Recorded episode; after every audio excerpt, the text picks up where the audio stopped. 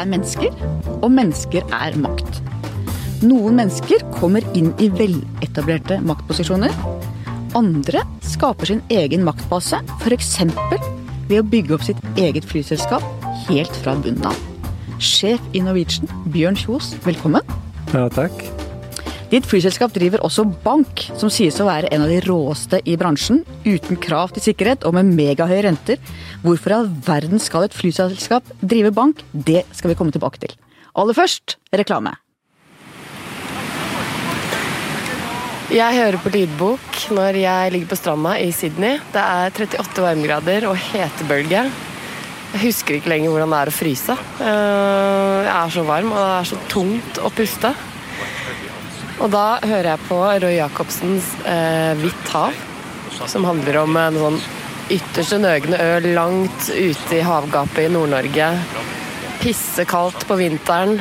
Eh, fattigslig og fraflytta og mørkt og snødriv. Og det er veldig mye roing og sløying av torsk. Og frosne koldbrannfingre. Hun hadde glemt votter og kunne ikke bevege fingrene. Og et par sekunder da så klarer jeg nesten å se for meg hvordan det er å være skikkelig kald. Som om hun lette etter lus. Skrubbet seg til huden Med Storytel får du ubegrenset tilgang til tusenvis av lydbøker direkte fra mobilen din. Prøv Storytel gratis i 30 dager på storytel.no skartveit. Bjørn Kjos, la oss begynne med begynnelsen. Helt kort. Hvordan ble Norwegian til Norwegian, og hvordan kom du inn i det? Jeg pleier å si at jeg kom baklengs inn i det. Jeg skulle bare hjelpe noen folk jeg hadde flydd sammen med i Forsvaret, og jeg som jobba i et flyselskap som hadde store problemer, nemlig Busy Bee. Og så ble det til at jeg hjalp dem med å sette opp selskap og forhandle med banker for å beholde flyene, og det ene tok det andre. Og jeg sa aksjekapital, det kommer helt uten problem på plass. Så. For den gangen var du advokat, ikke sant? Den gangen var jeg advokat, ja. Og så skjedde jo det at det var ikke så Det er klart at det er ikke så lett å hoste opp aksjekapital til et sånt nylig gjenoppstått selskap ifra et konkursbos.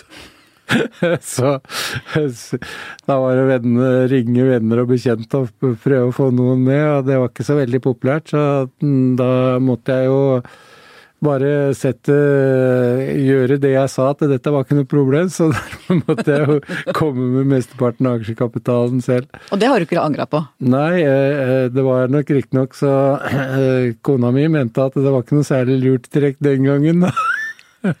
Men nå er hun om bord? Ja da, ja da. Nå, det er jo gått bra. Det er jo det. Du er kanskje den i norsk næringsliv som har tatt størst risiko. Kjøpt fly når ingen andre gjorde det. Satset på langdistanseflyging når ingen andre trodde det var mulig. Hvordan vil du beskrive ditt eget forhold til risiko? Nei, Jeg tror risiko er, Du lærte egentlig mye om det når du fløy i Forsvaret. Det er Du må vite når du går inn i en risikosone, og, og prøve å unngå risikoene. Og egentlig risiko, det er Hvis du skal prøve å unngå det, så må du vite hva risiko, risiko er, egentlig. Så du tenker mye før ja, du gjør det ting? er egentlig veldig mye Det er egentlig veldig mye matematikk bak alt du gjør. Du var innom dette med jagerfly. Hvor mye vil du si at du bygger på erfaringen din som tidligere jagerflyver? Eh, jeg tror det du, eh, det du lærer veldig godt når du i den type virksomhet, det er å ta avgjørelser. Så er det den mentale treningen, egentlig. Det er egentlig veldig mye mental trening. Ja. Eh, Har du selv vært redd noen gang? I flyet eller i tida i Norwegian? Nei, ikke som jeg kan huske. Kanskje jeg har dårlig hukommelse, da. For du fløy i nord under den kalde krigen. Du møtte russere i lufta med atomvåpen om bord. Gi oss et tidsbilde. Nei, du vet du, det var jo øh, Den gangen så var det veldig spent mellom øst og vest, og øh, vi hadde jo nettopp vært gjennom Cuba-krisa, ikke sant, og hvor øh, det var nest før det ble en atomkrig. Eh, Og eh, da stoppa, jo, stoppa man jo disse alle skipene inn mot Cuba. og eh, det var jo egentlig en hel vits, for at man fortsetter jo å fly atombomber inn mot eh, Cuba. Bare nå kom de om bord i en flymaskin, ikke om bord på et skip. Det er jo absurd å se at der er det en vår fiende, og han har atomvåpen om bord. Det er jo litt sug i magen. Ja, du, du, blir så vant til å se de, vet du, at du tenker egentlig ikke på det. Men så det var, De testa grenser hele tiden. De fløy inn mot norske grensa for å se om vi var på vakt osv. Nå så, tester de igjen? De gjør det. De har gjort det jevnlig opp gjennom alle år. Mm. Og så opplevde du også USA på sitt mest konfliktfylte i nyere tid, i Biloxi, Mississippi, i 1968. Hvor Ku Klux Klan jo sto sterkt. Dette var en del av det mest rasedelte USA, hvor det var borgerrettskamp og dype konflikter. Fortell hva du så og opplevde der. Altså, det var veldig uvirkelig på én måte for oss eh, som kom fra Norge, da. Fordi, eh, for det første så var det jo oppslag der nede om at det var ca. Biloxi var jo en liten by, men det var vel eh, omtrent 100 steder hvor det ikke var tillatt å gå for hvite.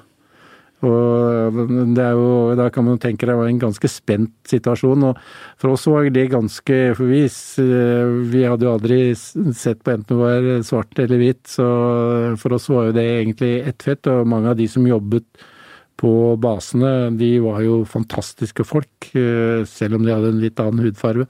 Så vi liksom Vi, vi hadde aldri tenkt på det. Men det var, det, da, da var det store motsetninger. og og det var like farlig egentlig for, eh, for begge raser. Det var, eh, det var, ikke bare sånn at han gikk én vei, det var for eh, Og naturlig nok, det var jo gjengjeldelse som det, det blir jo ofte sånn at du gjengjelder. Det er fascinerende å tenke på hvilken reise USA har vært gjennom. Ja, det er helt utrolig. Og det er jo Når du ser selv den gangen, så hadde man jo dette mm, dette med at man busset eh, skoleungdommer inn i de andre områder som egentlig var skal vi si sånn off limit-områder, da, for at de skulle gå på skole der. At man skulle prøve å integrere. Så jeg, jeg syns man gjorde vanvittig mye i USA, altså. Mm. La oss gå tilbake til gården på Sokna, og ditt møte med verden. For du kom som en overraskelse på dine foreldre. Fortell hva som skjedde. Nei, eh, far han hadde to sønner og ønska seg intenst ei datter, da, så da fikk han et par tvillinger. Gutter. Så det var ikke Men eh, jeg kom jo bare som en sånn overraskelse på slutten, for eh, Broren min hadde spist opp all maten. altså Der kommer altså en baby på 3,5 kilo, feit og velskapt, og så tror alle det er over. Så kommer en bitte liten baby på 600-700 gram, og det er deg. Det var meg, ja. Du har vokst deg godt siden det. ja, det var ikke noe blivende kilo det, nei. og da snakker vi 1946 prematur baby den gangen. Det, det må jo ha bodd en liten fighter i det? Det vet jeg ikke, men eh, det gikk bra. Og du var minstemann i en søskenflokk på fire. Ble du bortskjemt, eller? Nei, egentlig for ikke Det var nok vi, Det var jo der som i alle andre søskenflokker at eh, det var en god del kniving. Og, men det var, jo, det var, jo, veldig ofte sånn at uh, tvillingbroren min og jeg, vi, uh, vi, fant uh, Vi ble som regel på samme parti da når det ble kniving. Litt rampete? Det kan vi trygt si, ja. og så er det vanskelig å tro i dag, men du skal ha vært veldig sjenert som barn? Ja, ja, det, ja. Var vel, ja, jeg var nok det. Og hvor kom forandringen? Nei, hva si det. Det er eh, Det kommer med åra. Det blir Det blir, holdt jeg på sagt, det kommer med rampestrekene, tenker jeg. Gradvis vekst inn i rampinga. ja. Fortell om foreldrene dine. Nei, ja, jeg, hadde en veldig sunn oppvekst. Et, eh, så veldig bra foreldre på en gård. som eh, Jeg husker ikke så veldig mye av det, men som var veldig kan si, utsatt under krigen, eksempelvis. De var jo mottaksgård for mye slipp fra England. Eh, og Så jeg vokste opp i trygge omgivelser på en gård som under krigen var pensjonat, egentlig. Så, og drev etterpå, så drev de også en eh, et uh, Drev og ei sag, et sagbruk. Som de stort sett levde av. Og Hva slags type, hvordan vil du beskrive moren din og faren din? Faren min han var nok eh, på mange måter en entreprenør, for han begynte med alt mulig rart. Eh, uten Det var liksom ikke Det gikk ikke fort nok på sagbruket. Det var så han drev med alt mulig, alt ifra å importere til og med folkevogner fra USA, fordi de var billigere der enn å kjøpe i Europa, og selger i Norge, så han drev med alt mulig rart. Mens, eh, mens det var jo mor mi, hun holdt styr på det som var internt, da. Hvem av dem ligner du mest på? Jeg ligner nok mest på far min. Jeg gjør nok det. Var dere nære, eller? Ja, det, vi vokste opp. Det var en, egentlig en Vi var en veldig samla flokk på gården, altså. Det var vi. Er de stolte av deg? Ja, nå er jo begge foreldrene mine døde, så uh, far, far, min han døde før Norwegian ble starta, da. Så nok sikkert uh, Jeg vet ikke hva Han har nok vært veldig forundra, vil jeg tro. Tilbake til mitt åpningsspørsmål. Norwegian Bank. Hvorfor skal et flyselskap drive bank? Og såpass i det segmentet med uten sikkerhet, forbrukslån, som jo er beskrevet som et stort problem for veldig mange mennesker. Ja, nå er jo den vanlige låntakeren i Bank Norwegian, han er, det er den vanlige mann og kvinne som flyr om bord i et Norwegian-fly. Det er ikke noe mer spektakulært enn det. Så Og den, den utsatte delen, den er, de er nok ikke engang ute og flyr. Så det er nok det en helt vanlig en annen kunde enn den som ofte beskrives. Når det gjelder hvorfor starte en bank, det var rett og slett fordi vi så at disse fordelsprogrammene var veldig innelåsende, og så var de dyre å drifte. Og hvordan kunne vi som et lavprisselskap drifte det veldig enkelt og veldig uten de store kostnadene, og da ble svaret til slutt at da må vi lage vår egen bank. Men hva forteller det egentlig om utviklingen av økonomien når så mange ulike selskaper, flyselskap, dagligvarekjeder osv. starter bank og bankkort, når det i så mange bransjer er mer lønnsomt å drive flytting av penger enn å drive det de egentlig skal holde på med? Ja, nå er nok banken en, en stor del av Norwegian flyselskapet. Som den Den har jo Og jeg tror nok alle de etableringene er nok kommet etter Norwegian. Jeg Altså, vi hadde aldri startet banken hvis vi ikke hadde sett behovet for å ha den koblingen opp sammen med flyselskapet. Banken går jo bare i kjølvannet på Norwegian. For det er de, den skal betjene kundestrømmen som går gjennom Norwegian. Men hvis vi ser det store bildet, da. Finanssektoren har jo eksplodert i økonomien. Og på tross av finanskrisen i 2007, så er det fortsatt en mye større andel, andel av totaløkonomien, både globalt og her i den vestlige verden. Hvordan forklarer du det? Jeg tror faktisk at det er mange som Før så hadde man et gråmarked som var veldig usunt. Og det er nok blitt Det gråmarkedet er nok mer eller mindre borte i dag. Det er flytta over til de, det ordentlige segmentet, da, som er banker. Og så er det Men den jeg tror det er veldig mye misforstått, for at den vanlige kunden til Norwegian, ja, som skal kjøpe seg et nytt kjøkken og installere, så da gidder du ikke å gå og belaste huslån eller noe sånt, for du vet at du trenger det bare kanskje på en seks-åtte måneder. Eller fordi du det er jo smarte folk som kjøper, kjøper billetter i, til sommerferien sin i januar, når salgene går, og så tar de et forbrukslån, og så betaler de det når feriepengene kommer, istedenfor å gjøre det motsatt. Og Men når du ser det store bildet òg, når du ser Wall Street og de store bankene, at hele den sektoren er blitt mye tyngre inn enn det den var for 10-20-30 år siden? Jeg tror nok det går, går, veldig mye på det du opplever som digitalisering, egentlig. Det er internett, eksempelvis, er jo en stor del av det. Alt kan Jeg tror du, du Samfunnet er nok transformeres hele tiden, og de store transformasjonene de har du nok sett når internett eksempelvis kommer. og det, å nå begynner å snakke om robotisering, du snakker om digitalisering. ikke sant? Du er på vei inn i et helt annet type samfunn i dag enn det du var for 20 år siden. Og det går fort. Og jeg bare i begynnelsen. Hva ser du som det beste og det verste med den utviklingen vi nå ser? Og Det beste er at alt blir mye enkelt for, for vi som vi, vi, i den vanlige hverdagen. Det blir veldig enkelt. Du kan bare se på en iPhone. og Det er så enkelt. Du kan gjøre alt mulig med iPhone. og men det, det, Og du ser på digitaliseringen som kommer på den såkalte Airbnb, som hvor halvparten som reiser til New York nå kan bo billig, ikke sant, fordi at de bor privat. Ikke vært tilgjengelig tidligere.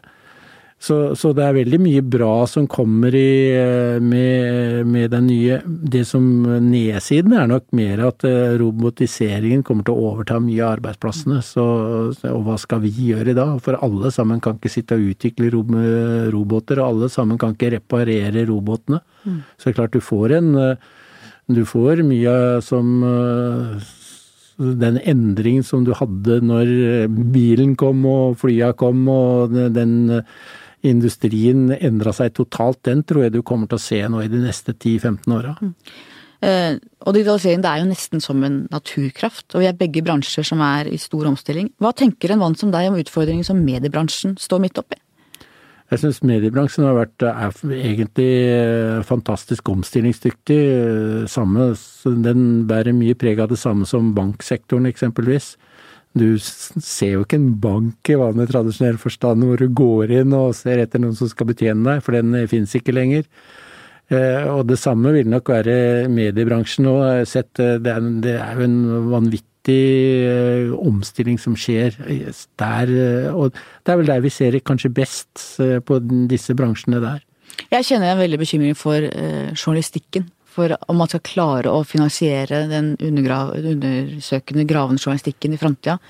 For det er jo noen utfordringer som Har du noe råd til oss? Det er en utfordring som er ganske Ja, det er uh, faktisk uh, det er veldig viktig. For at uh, all den Eh, hvis, vi skal begynne hvis den vanlige, eh, vanlige brukeren skal begynne å skille mellom eh, fakta og, og, og direkte usannheter, da, da, er vi ille ute. Og vi ikke kan se hvordan de forskjellige styresettene er, enten det er i, i Syria eller Russland eller Egypt eller hvor, hvor det er en. Hvis du ikke kan se hvordan styresettene fungerer da er det farlig. Mm. Og hvor går samfunnet? Blir det jobber igjen? Eller får vi etter hvert et samfunn hvor innbyggerne ikke lenger er økonomisk viktige, og kanskje derfor heller ikke er politisk viktige for de som bestemmer? Altså, én ting er i hvert fall helt sikkert, det blir ikke noe samfunn uten innbyggere. så, så, vi må overleve på en eller annen måte, skal samfunnet overleve. Også, men jeg tror det blir en Jeg tror det kommer til å gå inn i en periode hvor det blir veldig mye omstillinger på jobber. Og det som er jo er dilemmaet, da, er at når man gikk fra jordbrukssamfunnet til industrisamfunnet, så var det ikke så vanskelig å gjøre mens man hadde jobba i jorda, til å stå ved et samlebånd.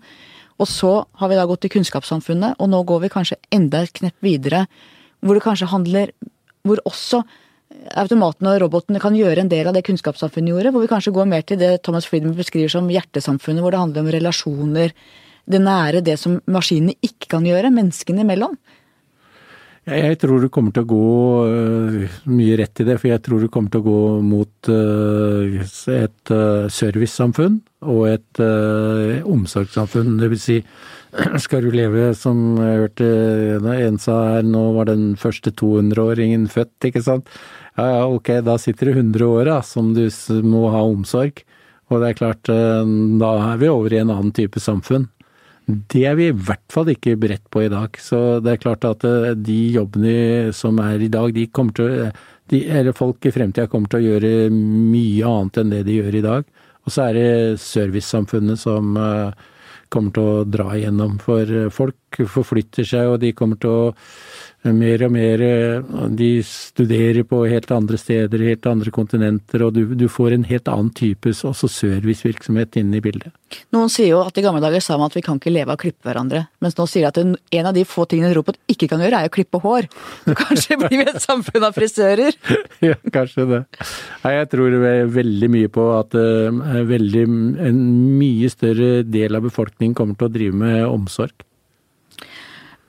Men hvis det heller ikke blir alle jobbene, er borgerlønn et svar på dette? Det kan det være, for at, uh, vi må jo ha noe å leve for. Uh, så det, det, kan være det. Det som er et dilemma med det, tenker jeg, er at alle mennesker trenger at det er behov for dem. At hvis du bare mottar uten å yte noe, så tror jeg det kan gjøre noe med hele strukturen og hele den større meningen med livet, da. Ja, jeg tror det at det, eh, det er nok farlig. Du kan ikke stoppe utviklingen. Det, det er et sånt famøst bilde hvor, fra New York hvor man prøvde å stoppe biler, altså drosjene som kom inn som biler. og Og i løpet av fem år så var det bare fra gå fra bare hester til bare biler, ikke sant. Så hadde du den ene hesten inni der som var motstander av alt. Det går bare ikke. Nei, det går bare ikke. Den norske modellen, hvordan definerer du den? Er, det er jo stor likhet eh, i samfunnet, og det er veldig bra. Det er ikke eh, samfunn som har eh, store ulikheter. De er, de er sjelden gode samfunn. Også er, da har du eh, veldig mye korrupsjon inne i bildet, og du har, du har mye kanskje diktaturer osv. Så, videre, så det, det, er ikke bra, det. det og hva ved den norske modellen er det som har hjulpet deg i din virksomhet, og hva er det som har stått i veien? Det som har hjulpet meg, er jo da at vi har masse dyktige folk, og uten at det, du blir segregert på den måten at det er liksom en, en type som skal sitte langt ifra som skal styre de andre. Det, det er veldig mye sånn fellesskap. Det, det hjelper, og det er styrke ved den eh, norske modellen. Og er det noen som har stått i veien ved den norske modellen? Du vet, du, du vil alltid ha øh, Du vil alltid ha, mm, på godt og vondt, så vil du alltid ha folk som ikke liker endringer. Og øh, det vil du se når vi går mer og mer imot det digitale samfunnet, så vil det være store grupper som ikke vil øh, det var som de som drev hestedrosje i New York, ikke sant, som ikke ville ha bilene inn i, i bybildet. Det vil du alltid ha. Og det, det, det, er bare sånn vi mennesker er. Vi liker egentlig ikke endringer. Det heter forandring, og det, hvis du forandrer, det kan du si for andre. Ikke for meg. ja, det er egentlig et godt, uh, godt sagt. La oss snakke litt om lederlønninger. Hvor mye tjener du? Jeg er i hvert fall ikke den som tjener mest i, i Norwegian. Eh, jeg ligger vel nummer 15 eller 16 eller noe sånt nå på statistikken. Uh, og jeg, ja, jeg tjener Jeg syns jeg tjener veldig mye penger. Tjener en par millioner i året. Og hvor lenge har du bodd i huset ditt?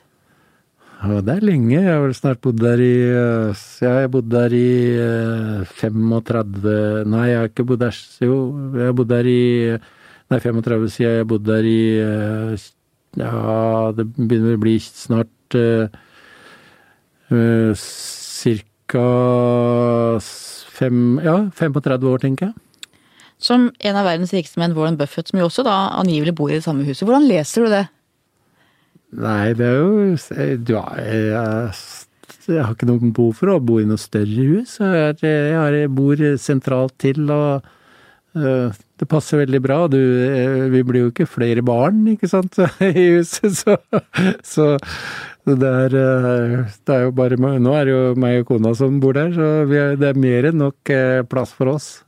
Men fortjener du lavere lønn enn de toppsjefene som tjener 5-10-15 millioner kroner i selskapet i dag, med bonuser og hele pakka? Ja, altså eh, Jeg syns da at det er ikke bra hvis det blir for store forskjeller, sånn som det har vært i USA. Så er det meningsløst. Det er ikke verdt det. Altså, det er, eh, det er mange som kan være sjefer. Og er de som tjener så mye i norsk næringsliv, bedre ledere enn deg? Har de fått til mer? Eh, ikke, det, det er et retorisk spørsmål! Nei, for beviset er i puddingen. Så hvorfor har topplederlønningene i Norge eksplodert? Jeg tror nok kanskje fordi at vi blir mer og mer en del av det internasjonale samfunnet. og eh, det er, ikke, det er jo kanskje noe av det som er uheldig ved det internasjonale samfunnet, er at det er mye større forskjeller mellom eh, de som er i lederfunksjoner og de andre.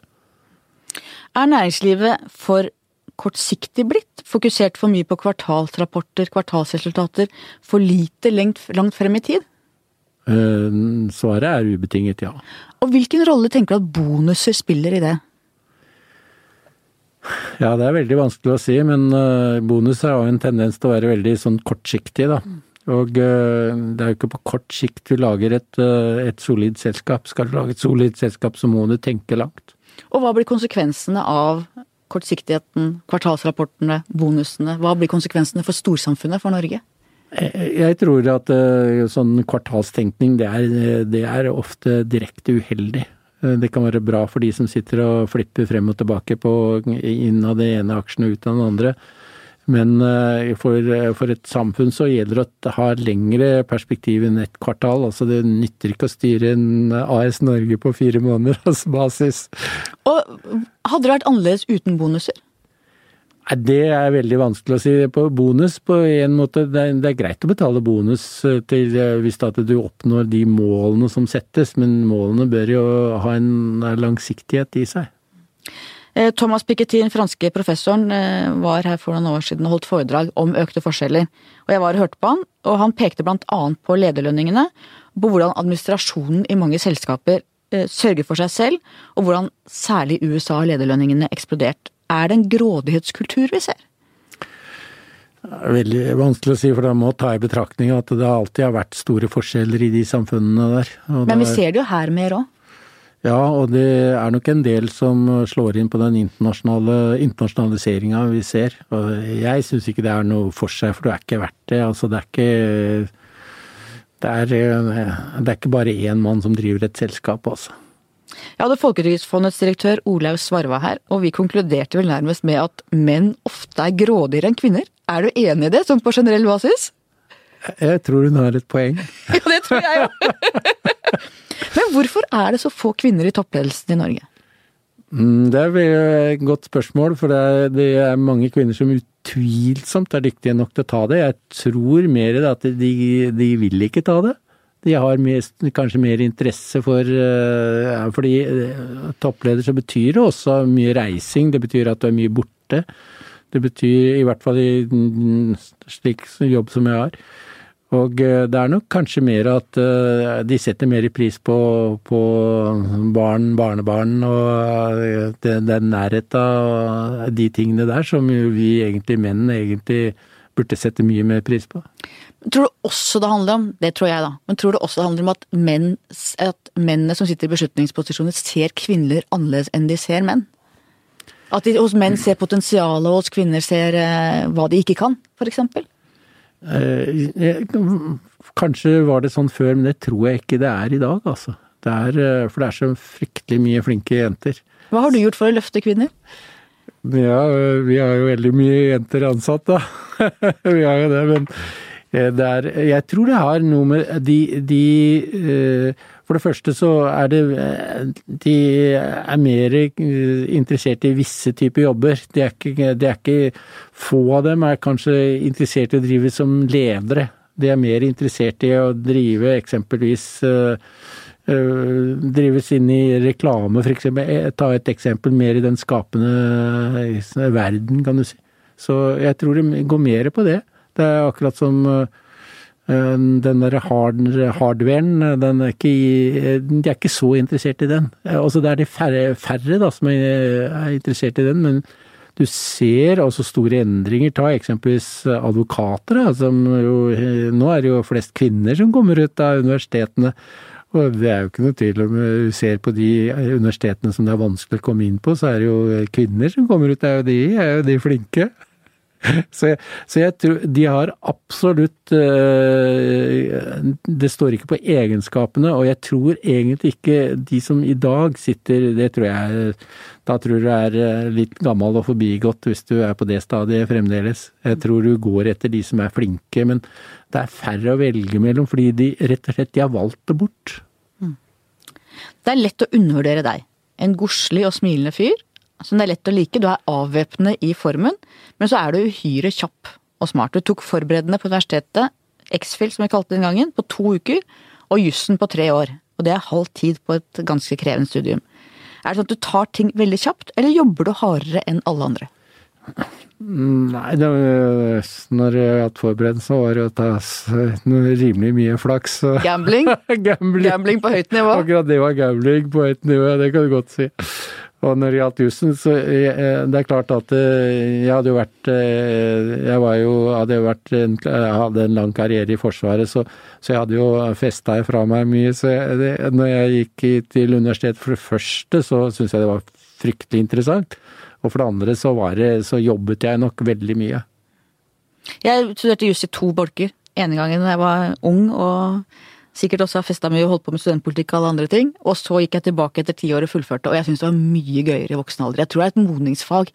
Hvor Det det er kjempegøy. Og Da satt vi en gjeng med gamle, gamle damer, jeg, voksne damer og diskuterte fag og panterett i lunsjen og var virkelig gløda for faget. Ja. Så jeg tror et råd kan kanskje være at folk bør studere juss når de har passert 30. Ja, det kan være. kan være det. Du er opptatt av å tillate feil. Jeg var på foredrag med svensken Kjell Nordstrøm for noen år siden, og han snakket om å feire i bedriften 'fuck up of the year', 'fuck up of the week', og, men han sa du må bare gjøre samme feil én gang. Kan du si noe om verdien av å gjøre feil én gang, og konsekvensen av å gjøre samme feilen en gang til? Nei, altså Jeg tror at øh, hvis du ikke tør å gjøre feil, da er du aldri noen god leder. Fordi øh, da prøver du bare, øh, som vi på godt norsk sier, 'cover my ass'. øh, Men skal du, skal du få til noe og få, holdt jeg på sagt, bevege verden, så må du tørre å gjøre feil. Jeg nevner jo av og til Einstein som eh, mente at eh, planetene sto eh, fiksert i forhold til hverandre, og fant eh, når Hubble-teleskopet og alt det der kunne beregne eh, hvorvidt planetene sto fast eller beveget seg fra hverandre, så fant de ut at eh, hvis du tok en, eh, et kronestykke og blåste det opp i løpet av et billiontedels sekund til noe sånt som ti millioner ganger bredda på Melkeveien, så fikk du hastigheten de bevega seg fra hverandre. Så det var eh, biggest blunder of my life, som han sier. Og når han kan ta så grundig feil, så er det klart vi kan ta feil. Men samme feil to ganger, hva da? Det, det blir ikke rik av å gjøre mange feil de samme gangene, men eh, det, det, er, det er litt avhengig av hva slags type feil du gjør òg. Det er klart når vi har satt 500 ruter ut i drift, så eh, ikke komme og fortelle meg at du vil eh, treffe 500 ganger rett. Vi har satt ruter ut i drift som vi aldri har starta på engang. Vi har tatt om det før vi har kommet på vingene. Du gjør feil, og det må du bare eh, respektere. Og jeg vil heller ha folk som, som eh, prøver. Det må være en metodikk i det de gjør, og det må være kalkulert. Det kan ikke være sånn eh, som fingeren i været og det, den retningen går vi. Det må være en kalkulert, men har du gjort, kalku, gjort en overveielse på de veiene du går, så må du også akseptere at ja, ikke, du treffer ikke alltid. Hvordan takler du kritikk? Det sies at du tåler kritikk ganske dårlig. Jeg har aldri vært noe sånn Det kommer kanskje mer på at jeg, jeg er uenig i det som kommer, da. De tar feil! og motgang når ikke du får det som du vil. Hvordan tåler du det? Mm, Ja, det er jo bare å fortsette. Motgang, det er noe du vil alltid ha. Du vil alltid ha motgang, nesten uansett, for det, det var vel det som en eh, næringslivsleder sa, at eh, du kommer ikke opp og fram uten å gå noen motbakker. Og hvordan vil du beskrive deg selv som leder? Jeg, jeg tror jeg er veldig flink til å delegere, og det vil si at jeg er veldig flink til å la eh, sette ansvar og jobber eh, ut til andre, og, og, det, og at de jobber selvstendig. Og derfor så må jeg ha flinke folk rundt meg. Så jeg, det, er ikke noe fleip heller, men jeg ser eh, Hvis jeg kan ansette folk som er flinkere enn meg på, på alle feltene, da har jeg vunnet. Du opplever ikke det som truende? Eh, Det har ikke vært noe vanskelig, nei.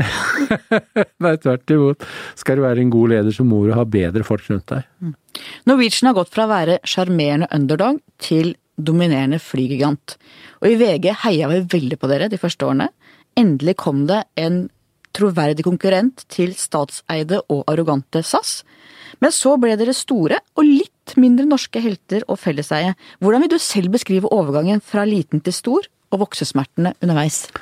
Også du vil alltid ha, I perioder så vil du alltid ha voksesmerter, og du vil aldri greie å gjøre alt rett. Du vil gjøre feil. Eh, Og vi har gjort feil eh, mange ganger. Eh, Det er som i en hvilken som helst del av konsumentindustrien. Du greier ikke å overleve ved å være liten. Men dessverre så forsvinner butikken på hjørnet. Eh, og Jeg er den første til å beklage det. Men eh, det er bare slik konsumentindustrien virker. Og fly er ikke noe annet enn konsumentindustri. Du må ha størrelse, skal du greie rett og slett å overleve i dette, denne verden. Og noe som var fra begynnelsen, er nå skuffa og sier at det var dugnad, og nå er det rått spill. Kan du forstå at noen har de reaksjonene? Det er eh, endringer, ikke sant. Det er endringer, og det som gikk når du var liten, eh, som drev den butikken på hjørnet, det, det nytter ikke hvis du skal drive en svær konsumentindustri. Og hvordan vil du beskrive kampen du har hatt med fagforeninger sett fra din side? Kampen vi har ulike ståsteder og ulike, kan ha ulike interesser. og Det er jo øh, naturen øh, Det er jo en forhandlingens natur, det. At øh, du har du, Det er ikke gitt at du, du har skal vi si samme interessene eller de samme målene. Og det er nesten alltid endringer. I et sånt selskap som Norwegian så er det nesten en pågående endringsprosess, og endringsprosesser det kan være smertefullt. Og mye av konflikten har jo dreid seg om å ha utenlandske ansatte på noen av de utenlandske rutene hvor de har opplevd sosial dumping. Du har sagt det er ikke mulig å overleve denne industrien uten å gjøre det på den måten. Det er en reell interessekonflikt. Ja, du vet, det, interessekonflikten vil du ha Du kan ikke ha spanske ansatte og fly innenriks Spania på norske lønninger. Eh, jeg kaller det ikke sosial dumping. Eh, når, men det er sånn To tredjedeler av virksomheten i Norwegian i dag, den skjer utenfor eh, Norges grenser. Og i, om ti år så er det kanskje 90% av virksomheten som vil skje utenfor Norges grenser. Det er ikke fordi at vi absolutt syns det er så mye finere i utlandet, det er rett og slett den konsumentindustrien så trenger du volum, akkurat som i en hvilken som helst annen konsumentindustri, og vi er I Norge er vi eh, akkurat det samme som antall mennesker som bor i en, eh, en del av London, ikke sant, og en tiendedel av det som bor kanskje i Tokyo. Så det er, eh, det er ikke mulig å greie seg på en internasjonal plan uten volum. Og hvordan vil du beskrive kampen sett fra fagforeningens side? Klarer du å se det fra deres side? Altså, de, de, går sine rettigheter, og det er klart at du du kan ha rettigheter i Norge, men det er ikke gitt at du kan ha de samme rettighetene i eh, et helt annet land. Rett og slett fordi da vil du ikke være konkurransedyktig, da vil du aldri greie å overleve i det landet. Du vil aldri greie å ta vare på arbeidsplassene du skaper der nede. I flybransjen Tror du at asiatiske lavprisselskaper vil ta over i Europa og i verden? Nei, det har jeg ingen tro på. For er helt, eh, luftfarten er helt annerledes enn en eksempelvis shipping, hvor det skjedde. Eh, sjøfolk de bor om bord på skipa sine i, tre måneder eller eh, seks måneder, og du kan ikke bo om bord i et fly i seks måneder. Så du, det er en helt annen disiplin. Så det er ingen tro på. Det er jo det som koster å drifte Ta eksempelvis langdistanse. Det er jo hotelloppholdene for crewene. Du må, du har ikke lov rett og slett å fly mer enn så og så mange timer, og da skal du ha nedhviling. Og eh, det sier seg selv at uh, tar du asiater og først uh, flyr de over til Skandinavia kanskje, og så nedhviler de der, og så flyr de over til USA og nedhviler de der, og flyr de over til London og nedhviler de der, og så hele veien tilbake igjen. Da er det enklere å fly dem fra London til USA og tilbake igjen, altså. Um, dere ser langt frem i tid. Altså dere ser demografi, folkeforflytninger, turiststrømmen som vil snu fra Asia til Europa og USA, ikke omvendt som i dag. Hva ser du etter, hva leser du, hva følger du med på? Ja, jeg, følger med på egentlig Jeg pleier å følge med på de, det som prøver å være globale, da. De nettverkene, og det er jo som du tar opp der, det er jo fryktelig interessant bilde vi ser inn i fremtida. Fordi forflytningene de kommer ikke til å gå fra Norge og ut, de kommer til å gå, eller fra Europa og ut, de kommer til å gå inn til Europa. Og eh, ikke minst fra Asia, som er jo og det, den er jo ti ganger så stor som Europa, ikke sant. Det er ganske så, massivt. Ja, så det, det, betyr at strømmene kommer til å gå andre veien. Og eh, men det skaper utrolige muligheter, eksempelvis for et land som Norge. da, og hva skal vi leve av når roboten overtar? Turisme eksempelvis kommer til å være stå, eh, stå, er kanskje noe av det vi absolutt bør eh, leve av fremover og satse på. For det er, det er ikke så mange andre land som Norge. Og hvilke grep bør vi ta allerede nå da for å sikre at vi får de pengesterke, sikre at vi får en turisme som er bærekraftig i forhold til miljøet, i forhold til å bevare lokalsamfunnene. Hva bør myndighetene gjøre for å gjøre at dette blir en god framtid for oss? Nei, eksempelvis eh, når vi snakker om Asia, så bør vi tilrettelegge slik at asiatene kan eh, feriere i, i Norge f.eks. Komme og se Norge. Og, eh, som vi har tatt opp tusen og en gang, det er, da må vi få anledning til å fly over Russland eksempel, eksempelvis. Det er ikke bare Russland, russere som får lov å fly over Norge, de flyr jo 3500 ganger over Norge, mens vi får ikke lov å fly en eneste gang over der. Og det må jo være noe feil. Det er ikke noe quid pro i det. Men det, det som betyr, det, det, det betyr, er at kan, du kan skaffe titusener av arbeidsplasser i Norge i turisme. Og det er jo det er et sånn varig ting, det er ikke noe sånn forbigående ting. For de vil komme her, de skal se midnattssola, de skal se alt det som, det som du har å by på i Norge som sand og varmearm, nok av store deler av jordoverflata, men akkurat det vi har i Norge, det er helt spesielt. Og nordlyset på vinteren, ikke sant. Man har jo utvida året veldig. Eksempelvis. Og da sier jeg at nei, kan du ikke Nå tar jo finnene prøver å stjele nordlyset og Sverige, men det er jo oppe i Nord-Norge det er. Og det er så vakkert. Ja, det er så vakkert. Så, og det er det de vil se, og de vil oppleve Hurtigruta. Vi har alt, vi. Så hvorfor eh, tilrettelegger vi ikke? Prøver vi ikke å ta den turistflommen og Eh, som i dag til en stor grad stopper opp i Finland og andre steder.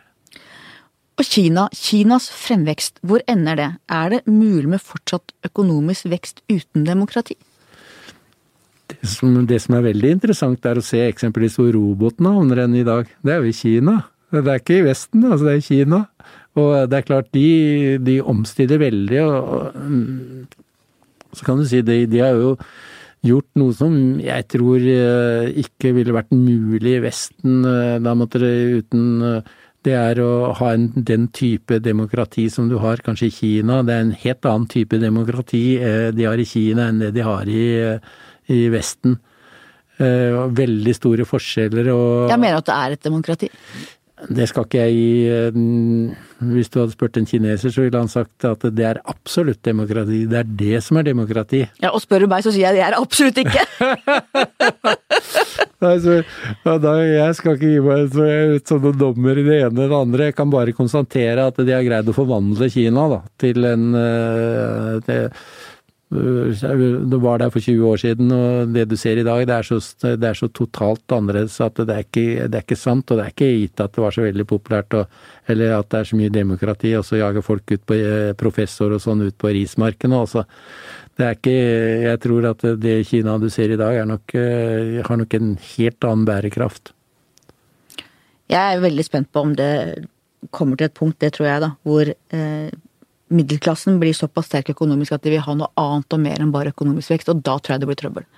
Det jeg, Ja, det kan godt være. Det jeg tror det har litt også Kina helt ifra, når vi først diskuterer Kina, sånn helt ifra 2000-3000 år tilbake, så har det vært et helt annen type samfunn opp igjennom. Så jeg tror i hvert fall det, det tar lang tid for å endre det opp eh, frem til eller hvis det helt tatt endres slik som vi oppfatter demokrati. For de oppfatter demokrati annerledes enn det vi gjør.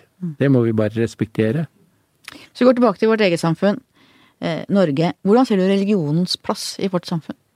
Eh, religion er jo en fantastisk bra og oppdragende virkning, selv om jeg hater alle de religionskrigene. Det er omtrent som å gå tilbake til, eh, holdt jeg på sagt, til Olav den helliges tid, ikke sant. Det, ikke, det, er jo egentlig ikke Og religionskriger har jo vært altfor mye av. Så det, det er veldig motstandere av. Men eh, religion som, som en eh, oppdragende ting, og det er jo gode levenormer i, i en religion.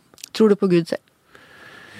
Jeg, jeg, jeg jeg tror vel egentlig ikke på at uh, den dagen du uh, vandrer herfra, så er det skrur av den bryteren. Og jeg har liksom Der er det liksom matematikeren som kommer inn, og jeg har veldig vanskelig for å tro at du liksom greier å uh, Når du selv forvitrer, at det, det liksom skal Det skal være noe annet som foregår da. Du tror at når det er slutt, så er det slutt? Da er, da er du skrudd av bryteren. Hender det at du ber hvis det er skikkelig trøbbel, eller er det helt ute av, soga, av frågan for deg? Jeg tror ikke det hjelper så mye.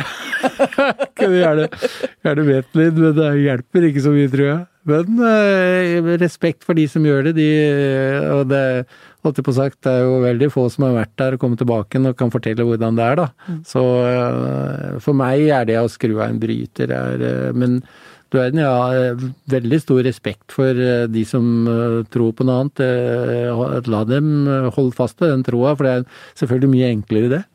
Mye enklere. trøst, tror jeg. Ja, det er klart det er det. Det er eh, veldig mye trøst. Så, så den skal jeg definitivt ikke ta fra dem den troen.